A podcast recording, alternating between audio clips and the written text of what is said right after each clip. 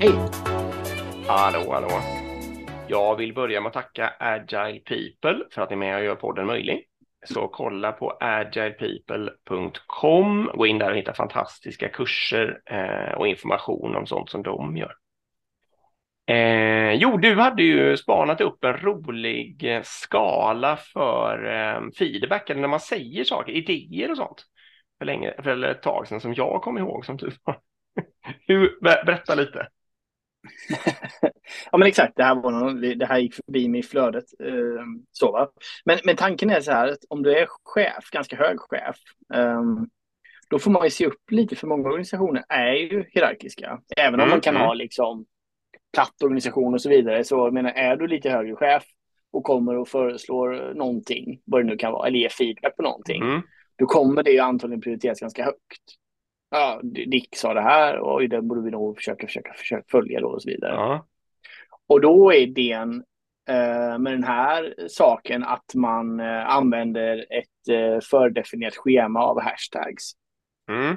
Uh, och, nu, och, och, vi, vi kan kolla på det exakta exemplet, mm. sen kan man ju mm. anpassa det efter sin verksamhet. Så då, men, precis, då är ju då, um, först är bara hashtag for your information eller för din information då. Mm. Och då är det mer så här, har, att man har en idé, men eh, det är liksom ingen riktig, det är ingen uppförsbacke eller ett stort berg liksom, utan det är mer så här, ja, det här kan vara en idé. Och sen har man då suggestion som nästa, alltså förslag, hashtag förslag.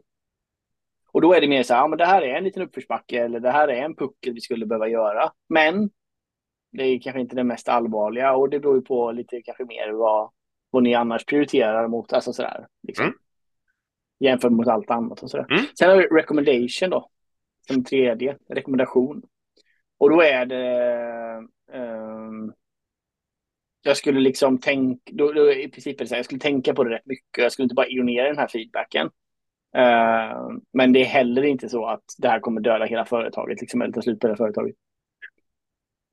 Uh, och sen är sista då pli. Och det är alltså då att man uh, ber, ber kan man väl säga. Mm. Um, ja, då är det ungefär så här liksom. Lita på mig när det gäller den här. Det här borde vi göra. Det här borde vi genomföra. Den här feedbacken borde vi ta åt dig. Så det använder då. Uh, det här var, jag tror det var HubSpot vd eh, som hade den här idén då att mm. använda de här olika sakerna när den här personen kommunicerar då. Så då kan man liksom helt enkelt i, i skriven eller i, när man pratar med organisationen då använda sig av den här metoden, förklara den här metoden och sen använda sig av de här olika sakerna om man nu sitter och skickar ner olika budskap i organisationen. Ja. Det är väl grundtanken. Ja, vad tycker du? Är det för Nej, jag tycker... stift eller? Jag tycker att det är skitsmart.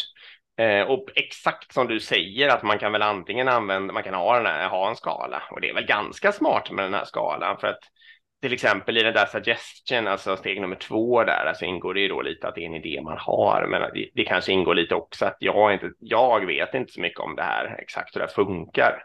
Så det är verkligen bara ett förslag ja. sett från min horisont liksom.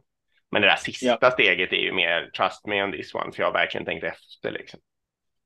Ja, eh. det kan också vara liksom en compliance-grej. Alltså, eller någonting ja. som gör liksom att du vet. Det är viktigt. Ja. Det här måste vi göra bara. Alltså, det spelar ingen roll. Det är inte värt. Eller det kan också vara så här jag har försökt att slåss, slåss politiskt att stå emot det här, men, liksom, ja, nu är vi här.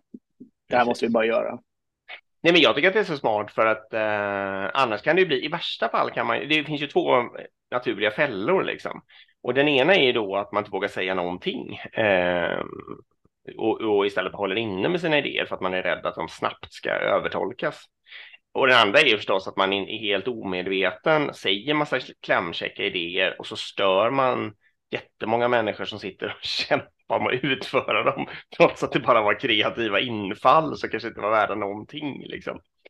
Eh, och det här skalsystemet Precis. undviker båda de fällorna. Liksom. Exakt, och sen är det också just den här tanken för många går ju kanske att be om feedback också från höga chefer. Alltså för mm. att de vill ha det liksom, till utvecklingssamtal och så vidare. Eller de vill veta vad tycker egentligen, vad tycker du den här chefen om min produkt eller min vision eller det här tekniska saken vi mm, jobbar på mm. eller vad det nu är liksom.